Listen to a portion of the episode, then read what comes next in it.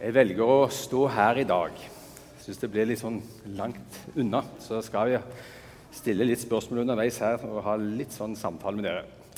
Skal vi be litt først? Kjære, gode himmelske Far. Takk for at vi igjen kan komme hit og være sammen med deg. Takk for at vi vet at du er her nå sammen med oss. Nå ber jeg om at du må hjelpe oss alle til å høre hva du vil si til oss i dag.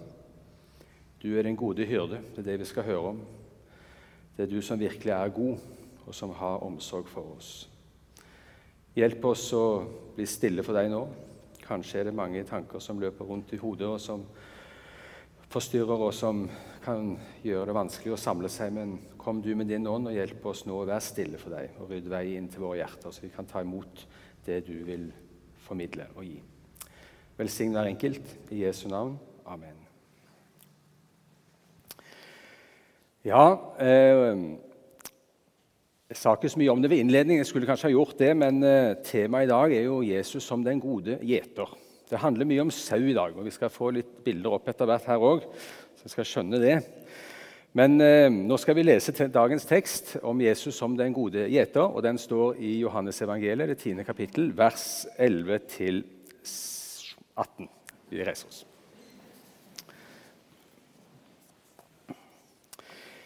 Jeg er den gode gjeteren. Den gode gjeteren gir livet sitt for sauene. Men den som er leiekar og ikke gjeter, og som selv ikke eier sauene, han forlater dem og flykter når han ser ulven komme. Og ulven kaster seg over dem og sprer flokken, for han er bare leiekar og har ingen omsorg for sauene. Jeg er den gode gjeteren.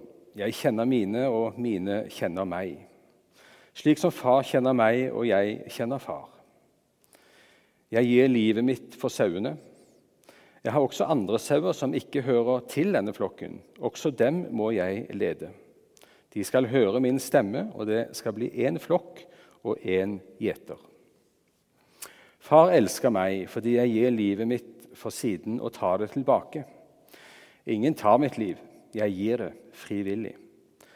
For jeg har makt til å gi det og makt til å ta det tilbake igjen. Dette er oppdraget jeg har fått av min far. Slik lyder Herrens ord. Vær så god, sitt. Jesus bruker i dag et bilde eh, for å hjelpe oss å, så vi kan forstå bedre hvem han er, og også hvem vi mennesker er. Og Jesus kaller seg den gode gjeter, og vi er sauene. Og En gjeter det er kanskje ikke et yrke som er så vanlig i våre dager. Og Spør man litt rundt omkring, så er det sikkert mange som kanskje ikke engang vil vite hva en gjeter er for noe. Men han skulle beskytte sauene. Eh, han hadde gjerne ansvar for en stor flokk og skulle beskytte dem fra ulv og masse farer, men også lede dem til steder hvor de fikk mat og drikke og kunne hvile og virkelig ha det godt. Så var Det å være gjeter det var ikke en åtte til fire-jobb det var eh, en døgnjobb. Vi kan lese om når engelen kommer til gjeterne på marken på julaften. Så står det at de kom til gjeterne som hadde nattevakt. står det. Så Det forteller oss at sauene de måtte voktes døgnet rundt. Min generasjon, vi som har kommet litt godt på fjorden og var barn og ungdom for mange tiår siden Jeg tror mange av oss har hatt eh, et bilde, et litt sånn romantisk bilde av Jesus på soveværelset der han eh, var liksom en sånn flott hyrde for en saueflokk. Og Det kunne kanskje se for slik ut, hvis vi får opp et bilde her nå. Sånn. Kanskje hadde noen det, men det var så mange varianter av dette bildet. Og Det var noe fredfullt og trygt og godt for oss barn å se på dette bildet når Jesus sånn, så trygg og god passet sauene. Så kan vi ha et litt sånn romantisk, kanskje nesten litt sånn idyllisk bilde av dette med Jesus som vår gjeter. Noen husker sikkert eh, historien om Gol David og Goliat. Og Da kan vi lese at når David kom for å skulle si at nå skal jeg kjempe mot Goliat, så møter han kong Saul. Og Da sier Saul til ham, jaha, skal du liksom gå i kamp med denne her svære oksen av en mann og kriger? Men da svarer David følgende.: Din tjener David han har gitt småfe for sin far. Kom det en løve eller en bjørn og tok et fe fra flokken, så sprang jeg etter han og rev fe ut av gapet på han. Og hvis han reiste seg opp mot meg, så grep jeg tak i manken og slo han i hjel. Wow. Tøffing. Eh, man får liksom litt inntrykk av at David var litt sånn forsiktig, litt sånn stille liten kar. Men guri land, det var litt av en kar. Han var en gjeter som gikk med livet som innsatt og beskyttet sauene. Jesus han er den gode gjeter. Og når Jesus Ai. Når Jesus sier han er den gode gjeter, så forteller Jesus oss noe meget viktig. For Jesus sier nemlig et annet sted at det er bare én som er god, og det er Gud. Det er ingen som er gode slik som Gud, som har den genuine omsorgen for oss som han. For enhver av oss, av oss mennesker, vi er egoistiske. Vi tenker kun på vårt eget beste. Vi tar hensyn til oss selv under enhver omstendighet. Jesus derimot, han er den gode hyrde, den gode gjeter. Og han sier, 'Jeg gir mitt liv for sauene'. Det er et ganske sprøtt bilde egentlig, at en gjeter gir sitt liv for sauene. Men det sier noe om hans kjærlighet. Sebastian leste her i stad fra profeten Esekiel. Og Da kan vi høre at Gud kommer til profeten Esekiel, og så sier han til han at uh, disse her gjeterne som nå, og lederne i Israel de gjør ikke jobben sin. De tenker kun på seg sjøl og gjør ikke det oppdraget som Gud har satt dem til. Og Så sier Gud noe morsomt til Esekiel, for han sier nemlig Et eller annet her, må jeg forstå her, da. Han sier nemlig Se, jeg avsetter disse her sauegjeterne. Han gir dem sparken, sier han. Og Så sier han videre Se, jeg vil lete etter sauene og ta meg av dem. Jeg vil lete opp de bortkomne. Altså Gud sier at han selv vil komme, for det er ingen som virkelig kan ha sann omsorg for oss mennesker. Så han må komme sjøl. Og når Gud, Gud sier det, så tenker han på hvem er det som skal komme? Messias. Det er Jesus han tenker på.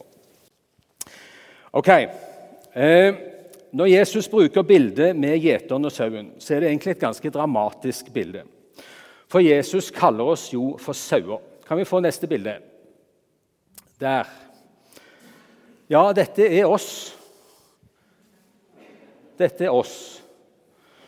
Han ser jo ikke enormt smart ut, kanskje. Prøv å spørre han der om noe. Jeg vet ikke hva slags svar man får hvis du spør han om noe.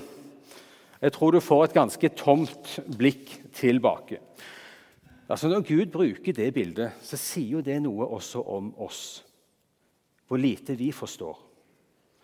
Og Vi snakket på tirsdag gutter, hvorfor Gud kaller oss sauer. Dette er jo en av tingene at vi nok ikke forstår så mye. Men er det noe annet? Det som, hvorfor tror dere Jesus bruker et bilde med sau? At han er gjeteren og vi er sauer?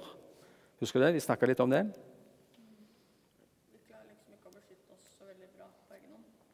Vi klarer ikke å beskytte oss så veldig godt på egen hånd. Det er veldig sant. Ikke bare er vi uforstandige og vi skjønner lite, men vi er faktisk hjelpeløse, ute av stand til å forsvare oss sjøl. For den største faren for sauene, det var ulv og rovdyr.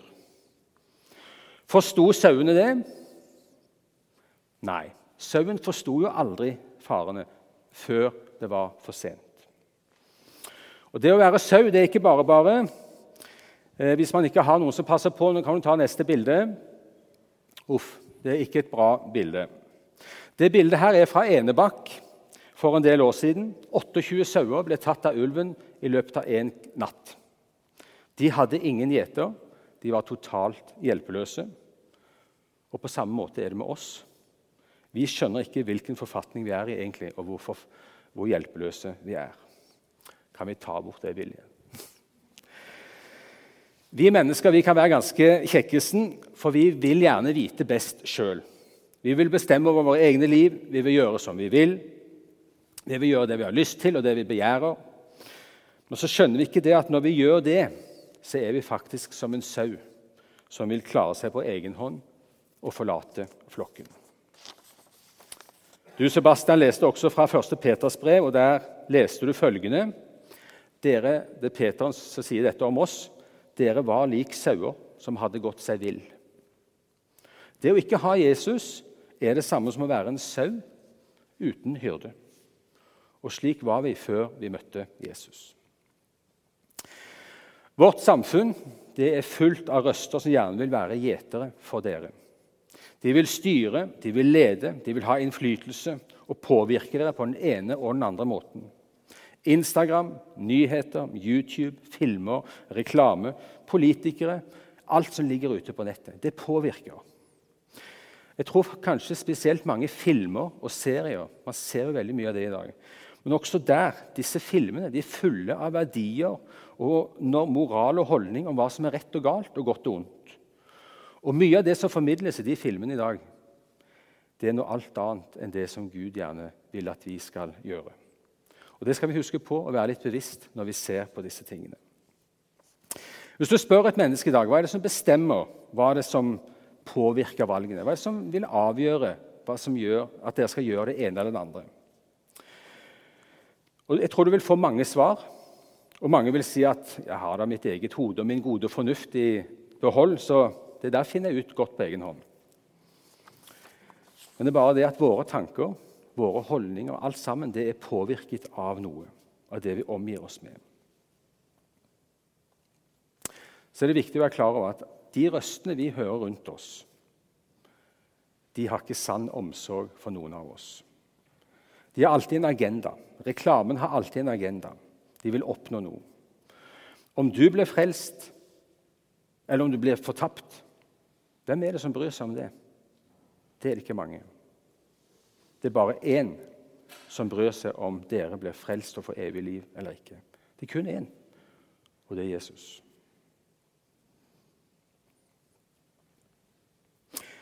Du leste fra Esekiel om disse udugelige gjeterne som var i gamle Israel. lederne som var der.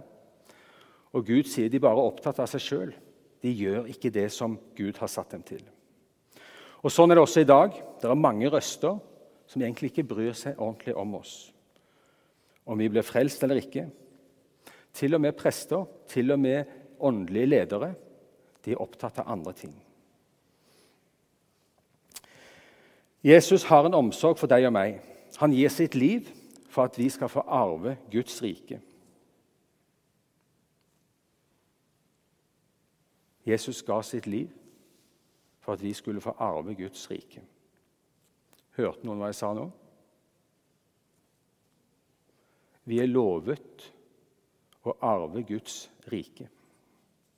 Det skulle egentlig vært et jubelbrøl her nå, folkens. Men vi er jo litt som sauene. Vi blir litt trege til å høre mange ganger. Hadde dere kommet hjem i dag og funnet et brev i postkassen, og så står det i det brevet dere har arvet etter en onkel i USA som dere ikke visste om, som var søkk rik, så får dere beskjed om at dere har arvet titalls millioner. Jeg ser dere begynner å smile. Altså, da tror jeg det hadde vært stemning i hjemmet hadde vi fått et sånt brev. Og Da hadde vi begynt å tenke på alt vi skulle gjøre, alt vi skulle finne på å reise, kanskje kutte ut jobben og det ene og det andre. Da hadde vi tenkt nå er livet bare helt topp. Men Gud har lovt oss å arve Guds rike. Det overgår alt. Og Jesus er vår hyrde, som viser oss veien dit. For når vi har Jesus som vår hyrde, og vi er hans barn, så er vi arvinger til det største av alt. Vi var bortkomne sauer. Og Det var bare en annen måte å si det på at vi er faktisk syndere, og vi hadde mista Gud. Fordi, Gud. fordi vi gjerne vil være Gud sjøl. Husker dere historien i 1. Mosebok 3 om syndefallet? Adam og Eva er i hagen. Alt er idyllisk. De lever sammen med Gud. Gud kommer om kvelden og slår av en prat og vandrer sammen med dem og spør hvordan dagen har vært. Han viste dem rundt i hagen og viste alt det fantastiske han hadde gitt dem. Men så var det det ene treet. Hold dere borte fra det. Klarte de det? Nei. Djevelen kom, fristet de, innyndet seg, lokket de til det. Og så spiste de av det ene som de ikke skulle spise. Og hva skjer da? Er noen som husker, Hva er det første som skjer med Adam og Eva idet de har spist? Noen som husker det? Jakob? Helt riktig. Og hvorfor var det? Helt riktig. Og så var det en liten ting før det, at de, de gikk jo og skjulte seg fordi de var Hva sa du? Nakne. De oppdager plutselig at de er uten klær. De hadde jo gått uten klær. De hadde ikke tenkt på det. Det var ikke noe poeng, det var ikke, noe, det var ikke tema. Og så plutselig, fra å være, ha blikket på Gud, blikket på det alt rundt som Gud har gitt, så snus blikket mot de selv, og så oppdager oi, vi er nakne. Og Det er et veldig godt bilde på hva som skjer når synden kommer. og som Vi mennesker vi er bare opptatt av oss sjøl innover. Jesus derimot, han er den gode. Hans kjærlighet til deg og meg, den overgår alt. Og Han tar ikke hensyn til seg sjøl, men han gjør det som må til for at du og jeg skulle få evig liv. Han gir sitt liv på det korset. Han lider, han dør, men han står opp igjen og soner og rydder opp for alt det som ble ødelagt den gangen i syndefallet. Det står i Bibelen at pga. Adam så kom døden. ikke sant? Fordi de spiste av det, så kom døden. Men pga. Jesus, som var rettferdig og ikke gjorde noe, så kom livet tilbake. Fantastisk godt bilde på den kontrasten. David, nei, unnskyld, Adam, han, med han kom døden, så kom Jesus livet tilbake. Så sa Jesus, 'Jeg kjenner mine, og mine kjenner meg'. Hvordan kan vi lære å kjenne Jesus? Det er mange røster i dag. Det er til og med mange røster som gir seg ut for å være Jesus. Jesus sier jo det. Pass dere. Det er mange som gir seg ut for å være meg, sier han. Noen ganger i det gamle Israel så beitet sauene sammen med andre sauer. Og så var det sånn at Når gjeteren til de enkelte sauene kom, så ropte han. Og Da var det slik at gjeterens sauer kjente stemmen. Slik at når han ropte på dem, så kom den ene gjeterens egne sauer til ham. De kjente stemmen. Slik sier også Jesus at det er. At vi kan lære å kjenne hans røst. Og hvordan kan vi lære å kjenne hans røst? Benjamin? Lese Bibelen. Flott. Andre ting? Ja. Det er Bibelen. Her lærer vi å kjenne hvem Gud er. Her leser vi og hører vi hans røst. Om du leser Johannes evangeliet, om du leser Paulus sine brev, om du leser Esekiel eller Peter eller hvem det er, så er det Guds røst som lyder i denne boka. Og Gud har åpenbart seg her over flere tusen år og åpenbart hva han gjorde, og hva han kommer til å gjøre en dag. Og alt det han har gitt oss. Alt står her. Så ved å lese her, være sammen, høre om Jesus, så lærer vi han å kjenne. Til slutt så sa Jesus Dette er litt rart. Jeg har makt til å gi mitt liv, og så har jeg makt til å ta det tilbake. Han har makt til å dø og bli til live igjen. Det høres helt underlig ut. Hvordan er det mulig? Vi tenker at når vi dør, så blir vi tilintetgjort. At det, det er jo ikke noe mer. Flere av oss har sikkert opplevd å være sammen med noen som vi hadde kjær, som var døde. Det er ikke mye respons når man først er død. Men Jesus sier at han kan bli levende igjen. Vi tenker følg godt med, at døden er tilintetgjørelse, men det er det ikke. For Bibelen forteller om noe annet. Bibelen forteller om noe som heter dødsriket. Og Vi blir ikke tilintetgjort når vi dør. Hvis du går inn i en bibelbok og søker på ordet 'dødsrike', så vil det komme opp masse ting der. Og Der står det mye. Det står bl.a.: Dødsriket skal de gudløse fare, alle folkeslag som glemmer Gud. Der er man skilt fra Gud, og der er det ingen lovsang, står det. Men Jesus var i dødsriket. Når han døde på korset, fram til han sto opp igjen, så var han i dødsriket. Og Peter skriver om det, og han seiret når han var der. David sier følgende, hør godt etter. Herre, Fra dødsriket førte du meg opp, du ga meg liv og reddet meg fra graven. Jesus reddet han fra dødsriket. Og det skal Jesus gjøre med enhver av oss hvis vi tror på Han, og vi kan være Hans sauer. Så skal Han redde oss også derfra. Ok, kjære konfirmanter. Jeg har talt ganske direkte til dere nå. Og det må jeg, for dette er faktisk litt alvor. Dere må aldri komme bort fra Jesus. Han er deres hyrde. Han er vår gjeter, som har den sanne omsorg for dere. Han er deres beste venn. Han er en du alltid kan stole på, komme med alt som ligger på hjertet. Han skal lede deg gjennom vanskelige perioder. Det står i Bibelen han skal lede deg gjennom dødsskyggens dal. Det står ikke han skal lede deg utenom dødsskyggens dal, men gjennom. For det kommer dager og tider i deres liv som kommer til å bli tøffe. Men Jesus går sammen med dere. Men det viktigste av alt Hva er det viktigste? Hva er det aller viktigste med Jesus? Hva er det aller viktigste, Benjamin? Evig liv. Han er vår frelser. Det er det aller viktigste. Det å miste Jesus, det er å miste den hyrden som leder oss til de stedene der vi skal finne hvile og finne liv og være sammen med Gud. Uten Han uten vår gjeter. Det så vi et forferdelig bilde av. Det klarer vi ikke. I dag har jeg pekt på Jesus som den gode hyrde. Da dere ble døpt, så ble dere forenet med Jesus i dåpen. Dere liksom fikk del i alt det han gjorde. Og Skal den dåpen være noe for dere, så må dere kjenne Jesus og tro på ham. Og Det har vi brukt denne tiden og dette året til. Om to uker gutter, er det konfirmasjon. Og Da skal dere bekrefte om dere vil følge Jesus. I dag har jeg snakket om at Jesus er deres hyrde. Neste gang kommer jeg til å snakke litt mer om hva det vil si å leve sammen med ham. Det å følge ham i det daglige.